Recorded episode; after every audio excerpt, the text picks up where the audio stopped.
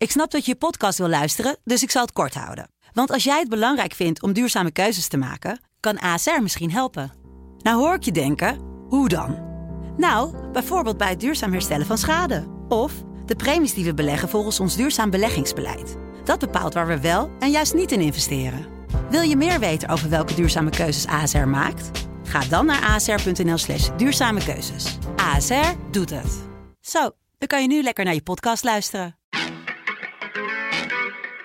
Dit is, dit is het land van me af of de Israëli's wel weten of zich het Kaag er persoonlijk verantwoordelijk voor is dat zij die oorlog met die Libanon niet hebben gevoerd. Een podcast van de Telegraaf met analyses op het nieuws die u elders niet hoort. Die Poetin is gewoon een gangster, heel simpel. Het is toch onvoorstelbaar dat wij tegenwoordig steeds vaker te maken krijgen met situaties waarin kinderen van de jaren 14, 15, 16 eh, mensen doodsteken en, eh, of elkaar. Met Wierde en Roel den Outer. Ja, Wiert, welkom. We zitten weer, weer eens bij de camera. Voor de camera. Ja, pas maar op. Ja, Heb je al geschoren? Eh, nou, dat- eigenlijk weer niet. Nee, ik ook niet. Zo, we gaan het eh, straks hebben over de uitgestoken hand van Sander Schimmelpenning. Oh, Die kijk. wil heel graag Ja. met jou eh, in debat. Oh, Tony van Dijk die van de PVV die kreeg het deze week aan de, eh, aan de stok met, met Kaag. Eh, Ja. Daar zit vast meer achter. De migratiecrisis in Europa gaan we het nog over hebben. Volgende week is er een eh, EU-top. En ehm, jij bent afgelopen weekend naar Houtwijk geweest met een afschuwelijke zaak waar een eh, snackbarhouder is eh, doodgestoken. En dan gaan we daarna meteen door met een jouw rubriek in Nederland. Een afschuwelijk gevalletje van de jeugdzorg die eh, misschien wel helemaal eh, ontspoord is. uit, uit huisplaatsing. En uit de huisplaatsingen. Maar eh, waar we mee willen beginnen is natuurlijk... we krijgen een nieuwe hoofdredacteur. Jazeker. En jij wordt genoemd. Oh, kijk aan. Oh, ik ben helemaal niet in de running, maar ehm, ja. Ja, maar dat zeggen alle mensen die... Oh ja. maar ik ben ook niet gevraagd. zou het, zou het kunnen. Eh, nee hoor, dat is. eh, kijk, naarmate je. Dat is het voordeel van ouderdom. Als je ouder wordt, dan weet je ook heel goed wat je wel en niet kunt. En het hoofdredacteurschap van Telegraaf hoort bij de eh, dingen die ik niet kan.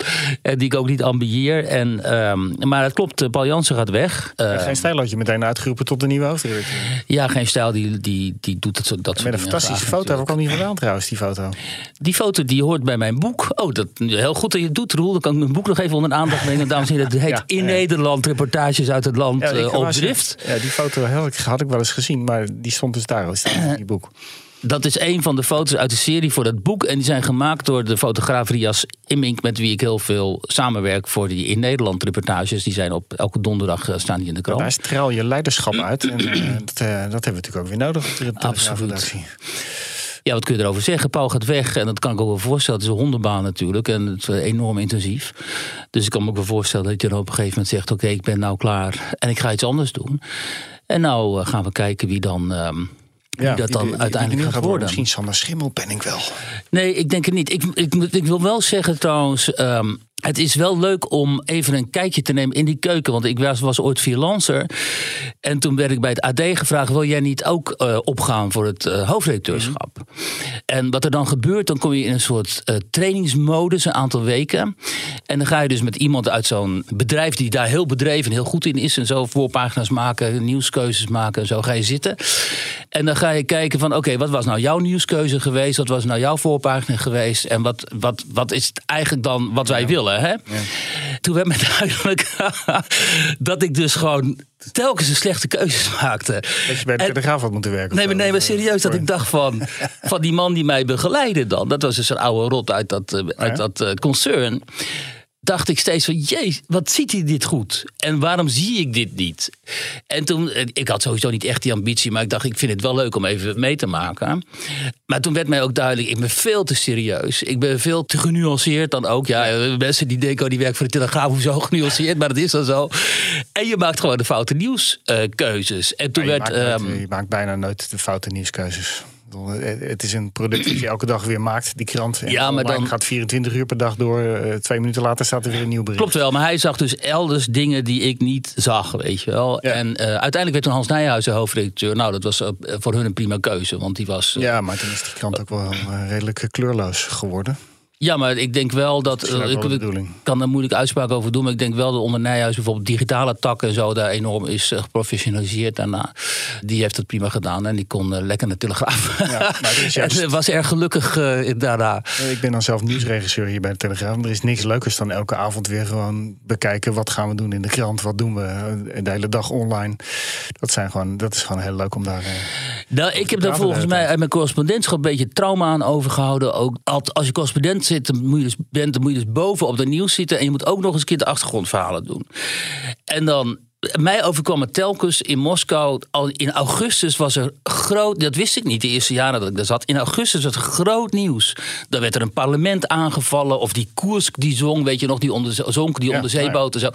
En net een paar keer met het echt hele grote nieuws was, ik- was ik er dus niet. Dus was ik eh, op vakantie of zo. En dan zong die Koersk. Dan moest ik dus terug van vakantie naar Moskou. En, en toen had ik echt zoiets. Ik, die, deze stress, weet je wel. Ik heb het heel lang gedaan trouwens. Maar deze stress is echt. eh, die, die, die nieuwstress, die past heel slecht bij mij. Er zijn dus mensen die vinden dat schitterend. ik hè. eh, vind dat heerlijk, ja. Jij vindt het, heeft, Paul vindt het volgens mij ook fantastisch. En, Maar ik, ik kan daar heel slecht mee omgaan. Ik doe veel liever de verdiepende dingen en dingen op de achtergrond te zeggen af en toe iets ergens eh, over.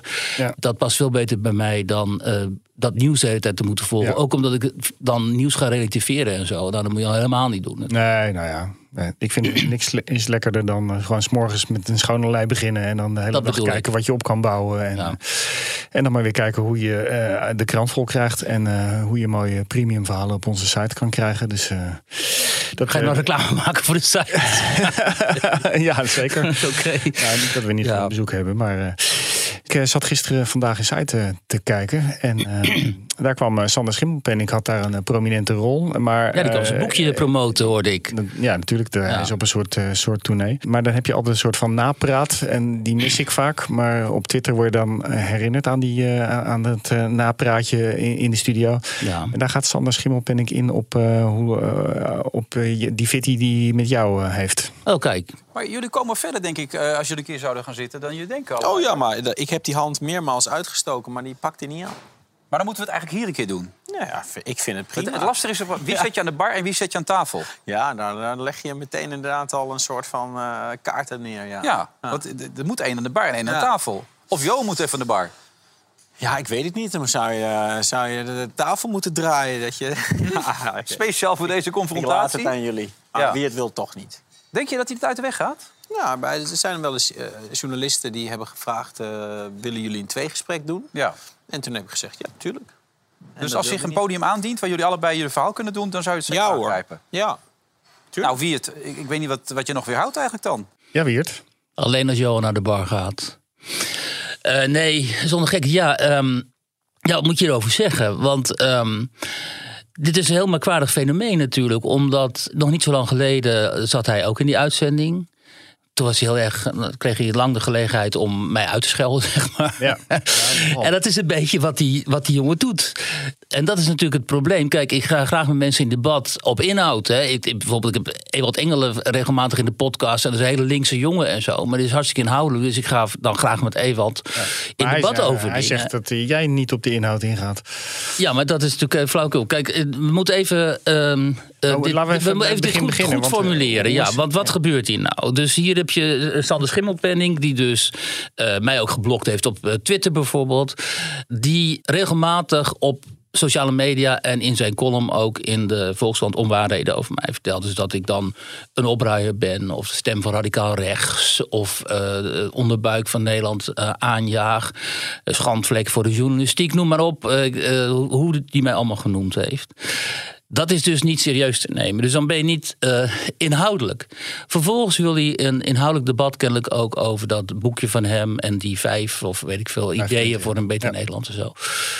Ja, prima. Alleen ik kan niet uitgaan van zijn goede trouw. Hij heeft ook eens een keer een privé-app voor mij online gegooid en zo. We hadden met elkaar geappt. Hadden dus de afspraak gemaakt van Ja. eh, we gaan niks meer over elkaar zeggen, want dit leidt alleen maar tot gedoe. En toen was ook die deal gemaakt. En wat, vervolgens gooit hij die app online. Eh, er was er weer gedoe. Dus ehm, heb ik besloten, ik eh, wil hier helemaal niks mee te maken. Het is onbetrouwbaar, te kwade trouw. En eh, ik, ga, graag, ik debatteer graag met mensen over inhoud en ook over dit soort plannen voor een beter Nederland en zo. Maar ik kan niet, ik ben geen politicus, ik ben niet eh, Geert Wilders of, of Sigrid Kaag die gedwongen is om in een parlementaire setting met elkaar in debat, in debat te gaan. Ik bepaal gelukkig zelf wie ik te goede trouw vind en met wie ik wel wil debatteren. Dus dit lijkt mij. Ja, maar het Tenzij hij zegt, ja, dat was allemaal eh, inderdaad in het verleden. En ik bied mijn excuses voor aan dat ik je zo heb geprobeerd te framen. Ja, maar dat gaat natuurlijk niet gebeuren. Dat, eh, Ja, je mensen kunnen tot inkeer komen. Hij En draait waarschijnlijk het verhaal om en dan zal zeggen dat jij je excuses zal moeten maken. ik zou niet weten waarvoor, want ik heb Ja. hem nooit uitgescholden. Nee. Dus eh, ik zou niet weten waarvoor. Ik me, het is moet excuses maken voor mijn bestaan of zo. Ja, maar het is natuurlijk wel voor het oog van al die kijkers bij Vandaag in Site dat jij zwart bent gemaakt destijds. En nu eventjes nog weer in een filmpje wat, wat Wilfred Gené eh, op eh, Twitter heeft geslingerd. Daar eh, krijg je natuurlijk weer de vraag gesteld: ga nou eens een keer met mij in gesprek. Kijk, als, je, als mensen dat maar blijven roepen, dan krijg je op een gegeven moment het idee dat de andere partij dus kennelijk helemaal niet wil. En daarom leg ik nu ook uit wat daar de Ja. reden voor is. Want het klopt inderdaad, benaderd zijn een keer door het vakblad van de journalistiek ook... om in een soort tweegesprek dan te gaan zitten.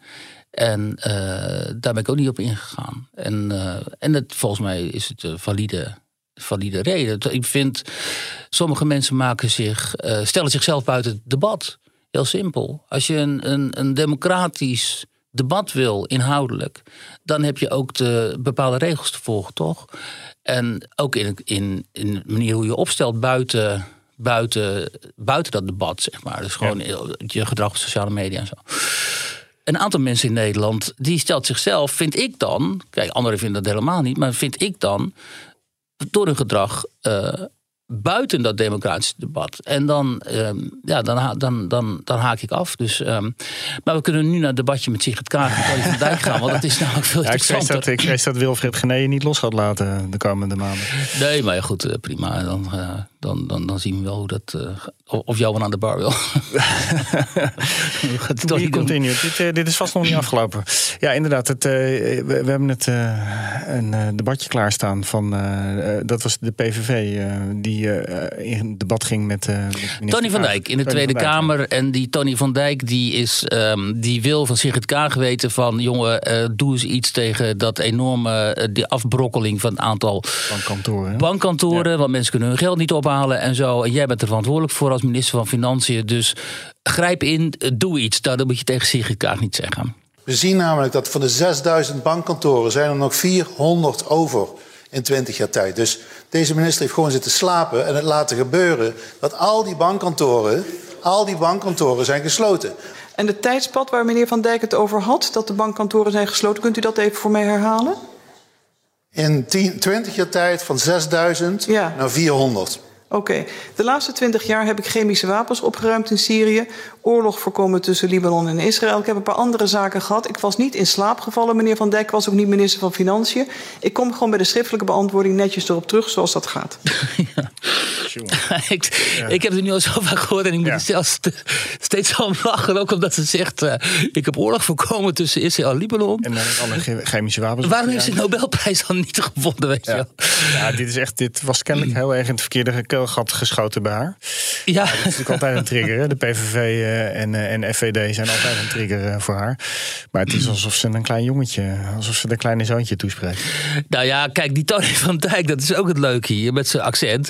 Dit is hier dus bij uitstek gewoon iemand uit die hoek van deplorables in haar ogen dan. Hè, waar ze over zegt, waarover zij zegt van wie zijn die mensen. Hè, in die documentaire zei ze dat toen.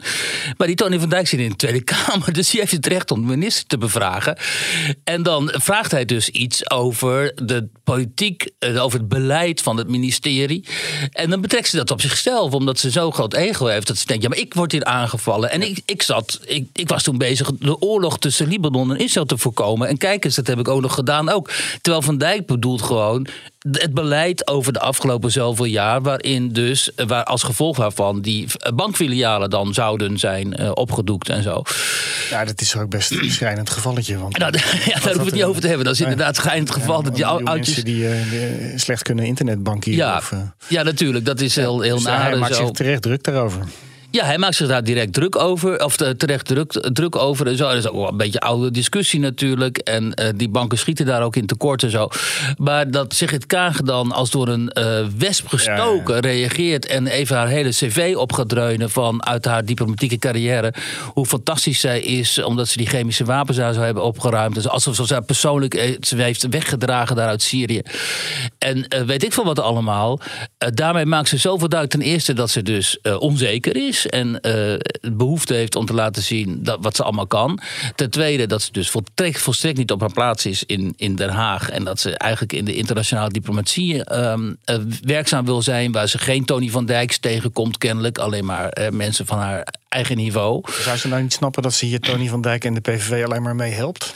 Nou, dat is ook zo. Daarom is het in tegenstelling tot iemand als Mark Rutte, die dit nooit zou doen, Nee. is de politiek dus zo ontzettend gehandicapt, omdat ze inderdaad niet inziet dat wat ze hier doet, dat gaat natuurlijk viral en wij gaan erover praten en andere mensen gaan erover praten en ze verliest weer bij heel veel mensen eh, sympathie, voor zover die er nog was. En bij een heel aantal mensen, zal, zo vlak voor de verkiezingen ook, eh, eh, die zullen zeggen: van, ja, kijk, hier gaan we natuurlijk niet, of hier moet je niet op, op stemmen. Ik kan me ook helemaal niet voorstellen dat ze onder eventuele D66-sympathisanten hier nou veel sympathie mee kweekt.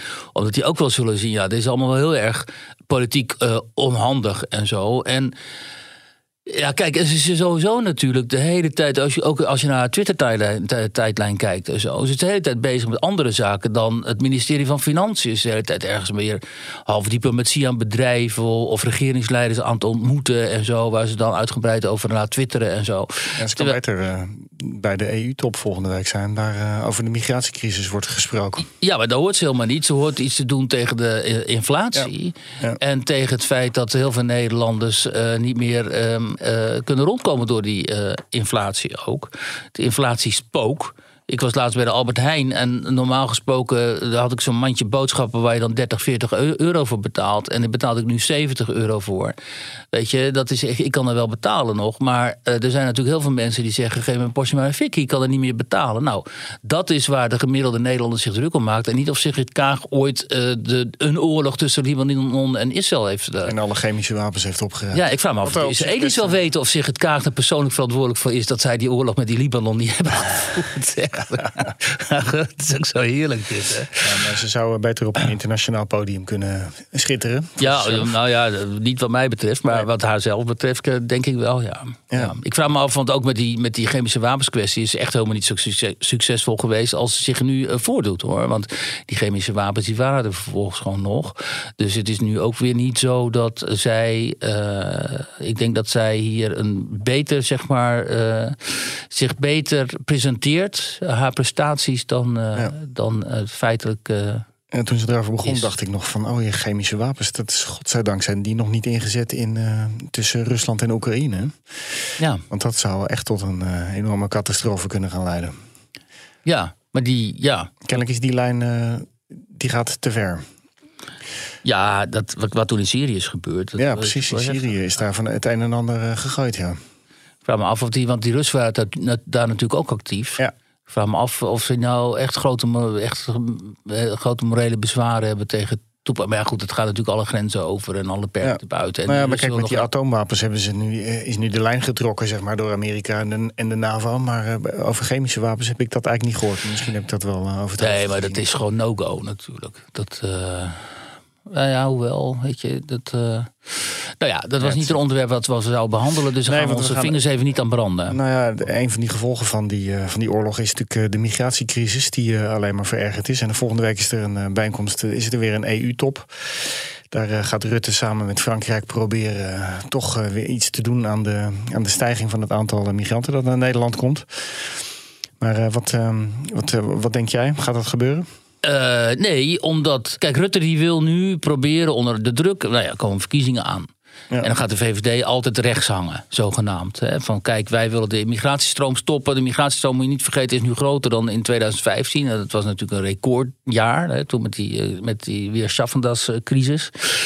En er komen verkiezingen aan en de VVD gaat dan altijd net doen alsof zij de partij van law and order zijn. En ook of zij de anti-immigratiepartij zijn. En dan zijn de verkiezingen voorbij en dan gaat de VVD gewoon weer over links. En dan is er helemaal geen sprake meer van dat die uitspraken ook uh, van voor de verkiezingen ook vervolgens um, tot daden uh, ja. komen. Um, en dat is nu natuurlijk ook weer zo. Uh, maar Rutte is wel aan het proberen nu in Europa een soort draagvlak te krijgen ja. voor een strenger immigratiebeleid. Ja, met Frankrijk, met Macron onder andere. En uh, dat zou er dan uit bestaan dat die grenzen toch beter zouden moeten worden bewaakt. En dat er meer illegale immigranten zouden moeten worden terug, sneller zouden moeten worden teruggestuurd en zo. En dat die muur nou, moet worden uitgebreid. Ja, dat die muur moet worden uitgebreid. Dat is wel heel opmerkelijk. Ja, nou ja, en uh, ik zie nu net een foto ook van uh, weer een lachende Rutte met uh, die premier van Vlaanderen. Ja, um, ja, je moet het hem ook nageven, Rutte. Hè? Hij staat er dan weer te glunderen. En dan met Macron en met andere uh, regeringsleiders en zo. En hij roept wat, weet je wel, we gaan er wat aan doen en zo. En hup, die partij stijgt gewoon weer twee ja, zetels in de peilingen. De peilingen gaat het prima. Ja, het, dat is natuurlijk ook omdat er heel veel onduidelijkheid is... wat het alternatief is voor de VVD. Voor die kiezers. Ja, maar ja, kijk, in, ja, dat kun je zeggen. Ja. Maar ja, die kiezers zouden toch bijvoorbeeld naar jaar 21 kunnen. Als je ja. nou een rechtse beleid wil. Kijk, jaar 21 is knalrechts. Hè. Ik, ik vind jaar 21 economisch, sociaal-economisch programma's knalhard. Dus ja. ik hou daar niet van. Ik ben meer van beetje gematigd uh, het sociaal-economisch programma. En een beetje conservatief cultureel. Maar jaar 21, ik heb het eens gelezen. Het is gewoon VVD in het kwadraat dan. Nou, als je dat wilt, dan moet je op jaar 21 stemmen. En als je een, meer, zeg maar, op de regio's gericht beleid wilt. En wat meer uh, ruimte en lucht voor de boeren. En uh, een beetje toch wat linkser, ook sociaal-economisch beleid. Dan kun je naar uh, de Boerenpartij van Caroline van der Plas. En als je echt gewoon knalhard populistisch rechts wil, dan kun je altijd nog naar de PVV. Ik ja, zie het bezwaar niet zo. Maar de afgelopen decennia zijn teleurgestelde VVD-stemmers zijn eerst naar de PVV uitgeweken. Toen naar Forum. Uh, toen naar Forum. En die mensen zijn voor hun gevoel vaak, zo vaak teleurgesteld. Of, uh, dus, ja, dus die twijfelen nu weer heel ernstig. En die denken, ga ik er een derde keer weer een, een partij, op een partij stemmen die het niet waar kan maken wat ik wil. Dat is natuurlijk gewoon het grote dilemma. Nou ja, dat is natuurlijk het probleem dat uh, Wilders zich door zijn uh, krasse uitspraken, vooral over uh, Marokkanen en de islam. Ja, mij, mij wordt er altijd, want ik zeg dan altijd, ik heb laatst ook weer gezegd, geloof ik, bij, bij Vandaag in Site of zo. Van, ja, van Vandaag in Site. Van dat zij Forum voor Democratie en PVV hebben zichzelf onmogelijk gemaakt. Omdat ze, niemand wil met die partijen uh, regeren. En dan krijg je altijd van die beetje bozige uh, PVV-kiezers en zo, Forumkiezers in, de, in, in mijn tijd en op Twitter. Van ja, hoezo dan onmogelijk en zo. D66 maakt zichzelf onmogelijk, weet je wel. En, maar die snappen kennelijk dan niet, die mensen, dat we hier in deze parlementaire democratie te maken hebben met uh, toch wel bepaalde, een, be een bepaalde context waarin je je begeeft waar je niet buiten moet treden als jij wil regeren. Ja. Als jij wilt meeregeren, als jij de grootste partij wilt worden, dan moet jij niet zeg, dingen zeggen als die bijvoorbeeld het uh, Wilders on, op, op Twitter gooit en zo. He, die minder Marokkanen was sowieso al een probleem. Ik zag van de week ook weer iets over Marokkanen dat ik denk, joh, het kan gewoon niet. Nee. Dan, dan ben je, kun je natuurlijk gewoon nooit, dan kun je gewoon niet premier van Nederland worden. Heel Blijft simpel. proteststem. Dan... Ja, dus dan, dan, kies je dus voor die proteststem. Maar dan moet je ook niet de, de, de pretentie moet je ook niet pretenderen van ik wil premier de grootste partij worden en premier worden, want dat wil je gewoon niet. Ja. Nou, Thierry Baudet net zo met Forum, dat het kunnen worden bij de vorige staat of was het de vorige? Nou ja, bij die statenverkiezingen Staten, dat zij de grootste partij werden. Ja. Was het de vorige ja, ja, de laatste Dat is zo kort geleden, joh, moet je voorstellen. Ja, moet je ja. voorstellen wat er allemaal gebeurd is. Toen had hij dus goud in handen, hè, want heel veel van die ontevreden uh, conservatieve burgers die gingen dus naar de Forum van Democratie. Hij werd de grootste partij en uh, binnen de kortste keren heeft hij dat allemaal te grabbel gegooid, doordat hij allerlei hele rare dingen is gaan zeggen. En misschien voor hem niet, maar wel in de ogen van al die kiezers. Als jij allemaal dingen zegt die, uh, waarvan mensen denken: ja, maar dat neigt naar complottheorieën of dat neigt naar fake news en zo. Als je zo ziet uh, Vladimir Poetin verdedigt uh, zoals hij doet, dan kun je natuurlijk niet premier van dit land worden. Nee. He, want je hebt, als je premier wordt, dan heb je natuurlijk ook te maken met de internationale context waarin je opereert. En hoe gaat hij dan naar buiten toe zometeen als premier die een Poetin aanhouders. Kijk, over Poetin bijvoorbeeld, dat vind ik echt een heel interessante uh, discussie. Eh, die Poetin is gewoon een gangster, heel simpel. Het is een officier uit de KGB. KGB was een maffia-achtige organisatie, een goed functionerende organisatie. Daarna werd hij ook uiteindelijk president. Maar intens slecht, laat ik het zo zeggen. Hè? Eh, en, en we gaan nu even niet de woordenboudisme over de CIA en zo beginnen kun je ook van alles van zeggen, ook slecht. Maar, en, en dat George Bush dan ooit uh, baas van de CIA was. Maar Poetin komt uit die KGB, die bovendien uit was op ondermijning van ons, van het Westen. Het Westen waar wij gewoon voor staan uiteindelijk. Westerse waarden, Europese Baudet zegt dat zelf. Europese geschiedenis, Europese cultuur, Europese waarden. Daar staan wij voor. En de KGB wilde die ondermijnen. En daar komt Poetin vandaan. Die heeft zich vervolgens gelieerd aan allerlei mafioze types daar in, in, eh, in Rusland. Heeft daar eh, met die oligarchen ook. Eh, uit de KGB zijn allerlei oligarchen voortgekomen. Dankzij Poetin ook. Intens corrupt land. Gewoon een heel slecht land. Weet je wel? Althans niet een slecht land, maar een heel slecht regime. Met allemaal hele goedwillende Russen trouwens. Hè? Die, die, die allemaal goed. Uh, ik ken heel veel Russen en ik mag ze heel graag. Maar het regime is gewoon intens corrupt en slecht en evil, zeg maar. Hè? Uh, die vechten daar dus tegen de Oekraïners. Ook dat Oekraïense, de geschiedenis van het postcommunistische Oekraïense regime, laat ik zo zeggen, is ook heel slecht. Heel erg corrupt, op een gegeven moment nog corrupter dan Rusland. Dus dat is ook, daar moet je ook niks mee te maken willen hebben. Misschien een beetje met Zelensky, maar wat daar vooraf gaan, hè, die Timoshenko en die, die, die, die Janukovic en al die types en zo. Intens corrupt. Moet je niks mee te maken willen hebben. hebben wij wel gedaan, helaas. En daardoor zitten we nu ook mede in de problemen. Maar goed, dus daar, daar, en dan, dan moet je niet als Nederlandse politicus, dat wilde ik even duidelijk maken, je gaan liëren aan Poetin en zeggen, ja, die komt ons redden of zo. Dat kan natuurlijk. Maar ze zijn de FVD, waar we het dan nu over hebben, die zijn nu gezakt naar, geloof naar drie zetels. Nou, ik zag ze weer van drie naar vijf gaan. Van drie naar vijf. Ja, dus er is gewoon een publiek dus voor. Ja, dat, dat is ongelooflijk. Dat is net als dat je zegt, weet je wel, uh, die Assad heeft ook wel een punt. Ja, die Assad had wel een punt, omdat uh, als Syrië in handen was gekomen van IS, dan waren we nog slechter af geweest. Maar die Assad is wel een hele wrede martelaar ook, met martelkelders en zo. Dus daar kun je het in moreel opzicht alleen al niet voor opnemen.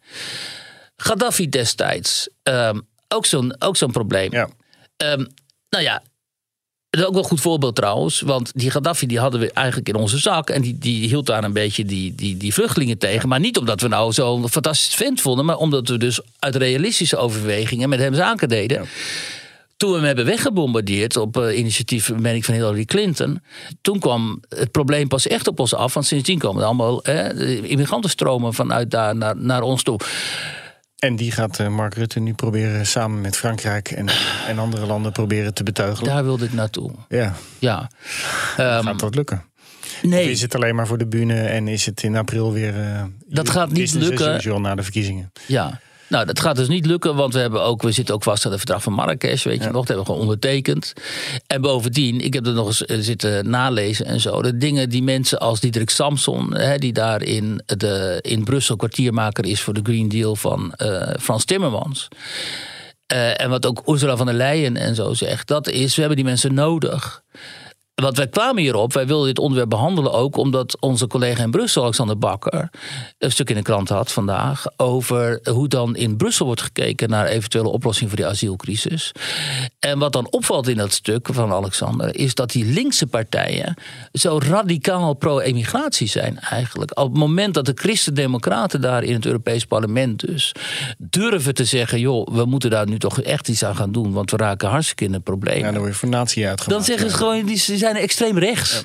De, dus christen-democraten zijn dan extreem rechts in, dat, in de ogen van het ultralinkse spul dat daar in het parlement zit. Hè. Die overigens geen meerderheid hebben, maar gewoon een minderheid zijn.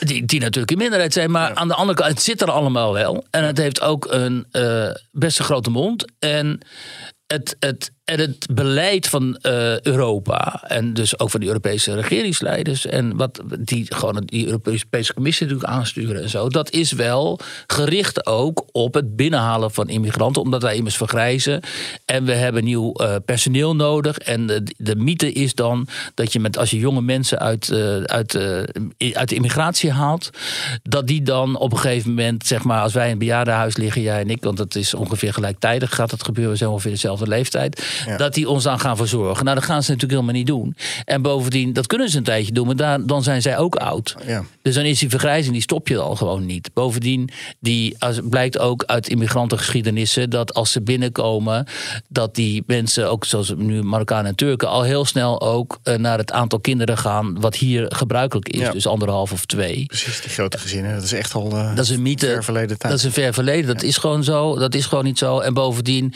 wat je ook nog eens een keer ziet in die gemeenschappen, bijvoorbeeld dat eh, van eh Marokkanen, oh, dus hoogopgeleide Marokkaanse vrouwen, die je natuurlijk graag hebt, omdat die eh, goed in de Mm. samenleving passen, die vinden dan geen partner.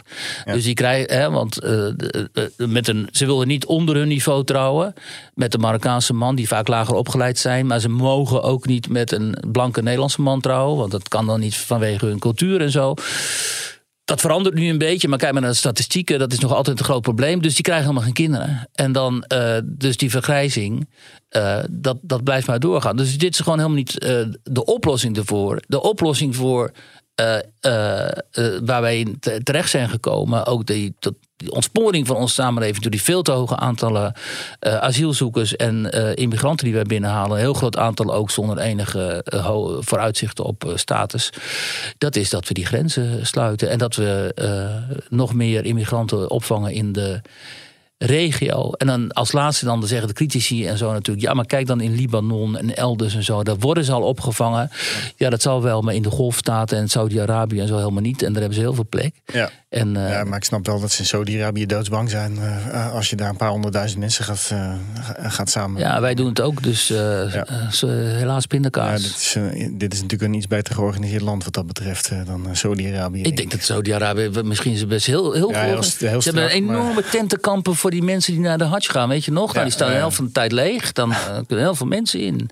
Dus airco en zo. En, Ja. ja. Ik vrees dat we dat niet gaan oplossen de komende jaren. Nee, Mark Rutte ook niet. Maar laten we het eerst eens eventjes eh, dichter bij ons huis houden. Jij bent, eh, vorige week had jij eh, weekenddienst bij onze krant. En toen ben je naar Moerwijk geweest in Den Haag. En, Nee, eh, Houtwijk. Houtwijk, oh, Houtwijk, Houtwijk. ja. Oh, sorry, Houtwijk is het, ja. Houtwijk. En daar was een Chinese snackbarhouder doodgestoken door, door drie kinderen. Ja, meneer Chen. Ja, meneer Chen, wat een afschuwelijk verhaal was dat. Ja, de schok is nog altijd groot in de Haagse Houtwijk. Afgelopen vrijdagavond werd daar een snackbar-eigenaar voor zijn zaak neergestoken. Later overleed hij aan zijn verwondingen. De politie heeft drie pubers aangehouden. Tieners die met messen rondlopen, anderen bedreigen en dus zelfs mensen doodsteken. Het is een treurige trend waar iets aan moet gebeuren. Al dus bezorgde buurtbewoners in de Telegraaf deze ochtend. Voor de politie is het nogmaals reden om aan de bel te trekken over het wapenbezit onder minderjarigen. Dat is in vier jaar tijd verviervoudigd. Ja, dat was een heel raar verhaal en ook heel erg. Want ehm, het is toch onvoorstelbaar dat wij tegenwoordig steeds vaker te maken krijgen met situaties waarin kinderen van de jaren 14, 15, 16 eh, mensen doodsteken. En, eh, of elkaar. Hè? We, we hebben een aantal incidenten gehad met die drillrappers die dan op elkaar losgaan. En dan, eh, daar vallen gewoon doden bij van die leeftijd. En in dit geval was het dus zo dat die snackbarhouder... die ehm, had dus kennelijk eh, ruzie met een van die meisjes. En twee meisjes en een jongen opgepakt. Eh, een van die meisjes overigens eh, is de, de, zus van die jongen. Dus die jongen is dan weer haar broer uit één gezin. En eh, die hadden kennelijk ruzie met de snackbarhouder. En naar verluidt ook met zijn dochter. En eh, dat is dan totaal geëscaleerd. Op een gegeven moment komt die man dus eh, naar huis. Die loopt dan s'avonds naar huis. En dan staan die drie daar. En dan krijgen ze een woordenwisseling. En dan wordt hij gewoon neergestoken. En hij komt eh, ter plekke te overlijden. Het zijn toch een beetje Amerikaanse toestanden als je dat zo... Ja, dat zijn natuurlijk totaal gedegenereerde toestanden. Dus toen ik daar was, kijk, iedereen in die wijk die, die ik sprak, die wist wel van, nou, dat, dat zijn zij. Hè? En dat, die vertelde ook al van een van die jongen, een van hun broers, die zit al vast. Want die heeft, is toen bij die drillrap eh, actie in Delft eh, betrokken geweest. Waar ook met machettes eh, jongens op elkaar losgingen. En nu waren het dus eh, zusje en andere broer die dan betrokken waren bij deze, Hoe bij kan deze dit zo ontzettend ontsporen? Ja, toen is collega Marcel Vink, en dat, heeft hij, dat kan hij altijd ontzettend goed. Die is, even, die is op maandag even op pad gegaan naar die wijk weer. En die kwam dus terecht bij eh, dat gezin. Bij die, eh, de moeder van die verdachten. En eh, die stond hem te woord. En wat daaruit naar voren kwam was eigenlijk dat het totaal, eh, die, die vrouw is totaal overvraagd. Die kan niet met die kinderen omgaan. Die had al eens een keer aangeklopt bij politie en hulpinstanties van joh, eh, er moet iets met mijn dochter gebeuren. Die is eh, volstrekt onhandelbaar. En dan, nou, dan verdwijnt dat weer kennelijk in die bureaucratie. Blijkbaar kan ze die opvoeding zelf niet aan. Er is een afwezige vader, althans Ja. sinds een jaar is die man weg. Een wachtlijsten natuurlijk. En er zijn wachtlijsten in die, in die zorg. En dan. ehm, het interessante is wel dat eh, het was niet zo dat dit nou een absoluut asociaal-agressief gezin zou zijn. Of zo, althans Nee, de ouders. Zo werden ze niet omschreven. Nee. Nee, die, die moeder was eh, toch, eh, die stond daar, nou ja, vooral in paniek, Ja. zo te zien. En die man die heeft dan, die knapt dan, dan af en toe in de wijk toch wel, of in de straat, deed hij dan de klusjes en zo. Maar er- hier is dus een aantal kinderen gewoon totaal ontspoord. En zij zijn niet de enige eh, in Nederland. En eh, door die drill rap die zo volstrekt agressief is. Drill, dat vond, vind ik ook wel interessant om te noemen. Het fascineert ook wel. Vroeger had je natuurlijk die, die gangs die zich identificeren via hun jasje of zo. Of via een kleur. En de kleuren, ja. precies. En nu is die muziek, is eigenlijk die drill raps, dat zijn nu eigenlijk hun geursporen, zeg maar. Waarin ze elkaar uitdagen. Ja, waarmee ze elkaar uitdagen. Ze eh, dagen, dagen elkaar uit met die raps. En dus de, de, eigenlijk is de muziek, heb ik de indruk, ondergeschikt aan het, eh, het bestaan in zo'n gang, in zo'n bende. En dan het elkaar uitdagen. En dan wie dan wint, die krijgt een extra punten en zo. Dus ook een soort heel macaber en pervers eh, spel is het. Waarbij dus gewoon eh, gewonden en, en doden vallen. Ja, en hoe ga je daar als samenleving mee om? Kijk, de Nederlandse samenleving is natuurlijk totaal gebureaucratiseerd op dit soort dingen. Daar gaan we het zo meteen nog even over hebben, ook met die jeugdzorg. En daar zitten allemaal mensen die gewoon een HBO-opleiding hebben. En dan wordt geleerd van in dit soort situaties moet je dit of dat doen. Eh, terwijl in mijn ehm, opinie hebben al dit soort types gewoon een Tom Haring nodig, weet je wel. Die, eh, die, die, die, die, eh, die vechtersinstructeur. Hè, Tom is inmiddels al 70 Ja, of nog ouder geloof ik. Toevallig een verhaal over. En, oh, en nog super fit. En Tom heeft dus in het verleden allemaal van die kampioenen nu eh, opgeleid. en ze dat- ja, dat- keihard aangepakt. Dat zie je in Amerika. Daar hebben ze heel veel van die hulpverlening. hebben ze gewoon, al die hulpverleners hebben ze vervangen door mensen die eh, ervaringsdeskundigen, die het zelf allemaal hebben meegemaakt. Dat, dat schijnt betere resultaten. Ik denk dat dat de enige mogelijkheid is dat je dit soort types eh, totaal niet overlaat aan die zachte sector eh, mensen. Hè, die over, totaal overvraagd zijn ook. Maar dat je allemaal Tom Harings inschakelt hier. En ze enorm afbeult. En ze eh, echt tot- alleen maar discipline aanleert. En zo. Nou, ja, ik heb wel eens vaak ge- ge- gepleit voor werkkampen. Hè. Het lijkt me een heel goed idee. Ergens in, maar niet in Drenthe, want dan schreef je die Drentenaren er weer op. In de Randstad. Hè, we mogen het ook weten. In de Randstad gewoon opsluiten, drillen. En als ze niet meer willen, nog harder drillen. En dan uiteindelijk maar hopen dat ze daar goed Ja, uitkomen. maar dat mag allemaal niet meer natuurlijk. En, eh, dan, krijgen we, dan gaan de mensen klagen en dan krijgen we onderzoeken. En dan worden de Tom Harings van deze wereld eh, worden geschorst. Eh, Nou ja, dat, dat krijg je als je niet veilig meer D66 en GroenLinks en Partij van de Arbeid en zo de dienst laat uitmaken. Maar als er andere partijen eh, dit hè, beleid zouden kunnen misschien bepalen, een, dan krijg je eh, misschien een misschien andere. is een sociale dienstplicht eh, wel een goed idee. Eh, sociale dienstplicht is altijd een goed. Dienstplicht sowieso, hoeveel ik daar nooit eh, gebruik van van gemaakt. Maar sociale van, eh, dienstplicht is ook goed punten idee. van Sander Schimmelpenning. Ja, maar het is natuurlijk ook niet nieuw. Dat is al, al, al, zo vaak gezegd. Maar ja, dienstbaarheid aan de samenleving. Het gevoel hebben dat je deel uitmaakt van een samenleving. Dat je deel uitmaakt van een gemeenschap. En dat je niet zomaar de snackbouwer op, de snackbarhouder op de hoek. die enorm populair was in die wijk. Ja. Ook een hardwerkende Chinese man. Dat je niet die man overhoop steekt. en vervolgens zijn vrouw en kinderen tot eh weduwe en tot wezen. eh, of halve wezen maakt. Dat besef, dat zou wel heel goed zijn. Omdat er, en als, je, als die mensen gewoon te, te achterlijk zijn. of te gedegenereerd. of te weinig IQ hebben om dat te begrijpen. dan moet je een permanente oplossing eh, voor hen eh, bedenken. En dan moet je ze gewoon heel erg lang. kost heel veel geld trouwens. eh, gaan eh, volgen. En. Eh, en hen heel hinderlijk eh, volgen. Je kent in, het wel, eh, hè? Drenthe zo'n heropvoedingsdorp, hè? Wordt het ook weer Veenoord? Ja, daarbij, eh, daar, heeft Suzanne Jans Ja. toch die, ja, eh, daar heeft ze het een boek over geschreven. over geschreven. Ja. Maar Ja. ik weet niet of dat nou eh, de, eh, in deze tijd nog, eh, nog kan. Maar Nou, misschien is niet, wel maar het zal manier goed zijn. Om, om ze direct aan te pakken. Waar was Wiert? Ja, dat het vreselijk uit de hand kan lopen, dat eh, blijkt ook wel weer uit een verhaal wat jij vandaag in jouw rubriek eh, in Nederland in de krant eh, hebt. Ver weg van je kind staat daarboven. Dat is een, eh, is een man, die heeft een zoontje... en die is jaren geleden uit huis geplaatst. Dat liep totaal uit de hand. Als ik dat verhaal zo lees, dan denk ik van... waarom heeft jeugdzorg zo gehandeld? Nou ja, dit is typisch dus zo'n eh, labiel gezin geweest. Hij heeft, deze man, Jeroen, die heeft een ex. En die had toch ook wel zwaar, eh, die had het geestelijk heel zwaar, laat ik het zo zeggen. Die is ook op een gegeven moment in de psychiatrie terechtgekomen en zo. En die had al met iemand anders een zoon die op zijn, toen hij vier was of zo, uit huis is geplaatst. Want die situatie ging dus niet goed. En toen kwam hij, uh, en zij, hij, hij heeft vervolgens met haar ook een kind gekregen. En dat liep ook helemaal spaak. Uh, dus ze zijn ook een tijdje in Finland nog geweest bij zijn ouders die daar wonen en zo. Ze hebben Nederland dus min of meer ontvlucht. Ze kwamen ook in de knel door het toeslagenschandaal. Dus ze moesten van de Belastingdienst moesten ze geld terugbetalen. Ja. Nou, dan kwam je helemaal in schulden terecht en zo. Maar wat mij zo opviel in, viel in dit dossier, want ik heb heel veel van die stukken kunnen lezen. Dus e-mails en andere zaken die je normaal gesproken niet zo snel te lezen krijgt, maar nee. in dit geval wel.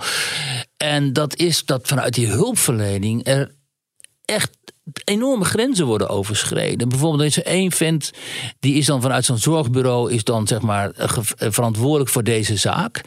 En die schrijft dan aan de moeder van het kind uh, dat zij die relatie met deze Jeroen moet verbreken. Dat hij een narcistische psychopaat is. En dan in hoofdletters van als hij aanbelt, doe de deur niet open, ja, doe de deur niet open. Ik zag dat citaat, ja. Dat dan denk je, dat, dat kan helemaal niet. En vervolgens is het bureautje waar deze man voor werkte is uh, failliet gegaan. En ze zijn aangeklaagd vanwege diefstal, fraude en oplichting.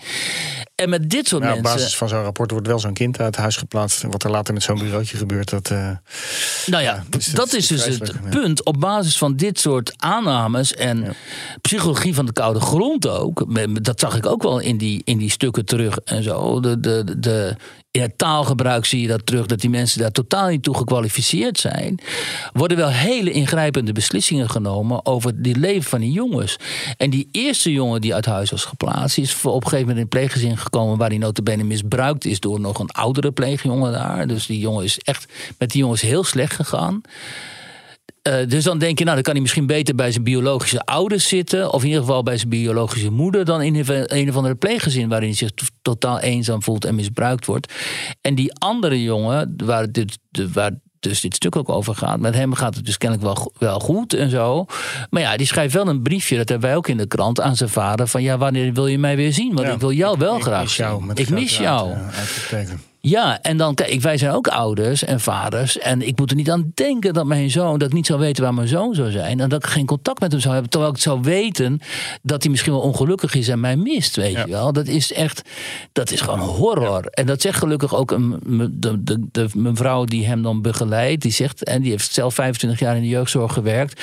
Ja, die zegt ook van, het is gewoon afschuwelijk wat een man... Kijk, en dan kan die Jeroen Misschien ongetwijfeld is hij verbaal ontspoord, zegt hij zelf ook. Ik kan slecht tegen onrecht en uh, kort lontje en zo.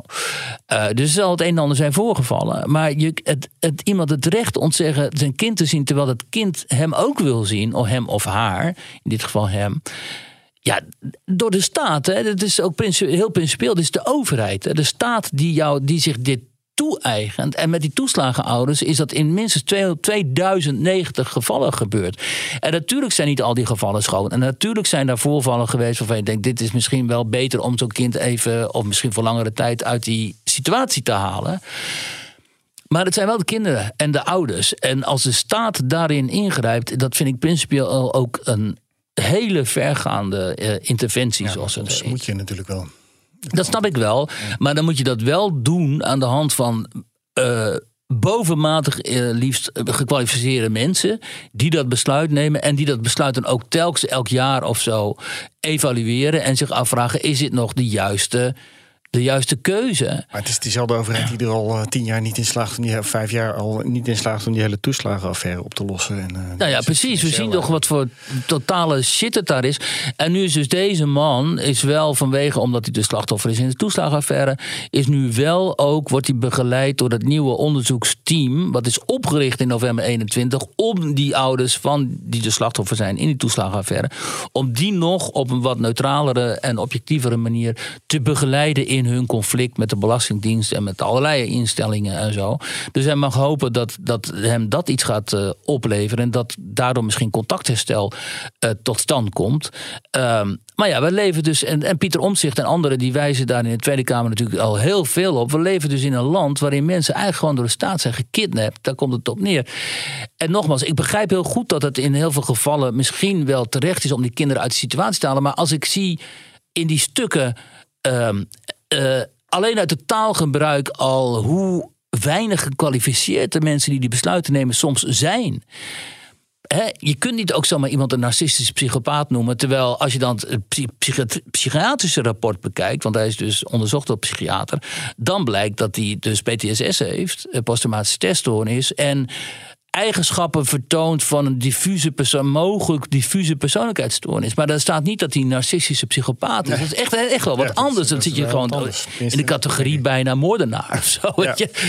ja en dat, dan krijg je dat stempel opgedrukt en daar leef je dan mee. En um, pah, ik vind dat uh, echt heel erg heftig. Daarom is het goed dat je dit soort verhalen in Nederland uh, blijft maken. En uh, over de mensen thuis en hun problemen blijft schrijven in de krant. Wiert, uh, we zijn weer aan het einde gekomen volgens mij. We bereiden er een end aan. Ik, uh, ja, de, de, uitnodiging van Sander uh, is afgewezen. Is jammer. Volgens mij gaat het toch nog wel een keer gebeuren. Ik denk dat het... Kijk, een excuus ja. is makkelijk gemaakt. Dus dan... ja, en ook heel makkelijk gevraagd. ik denk dat jij nog een keer geambushed gaat worden bij Vandaag in Site. dat hij daar opeens verschijnt. Dus kijk maar uit. Dankjewel, Wiert. Oké, okay, man. Week.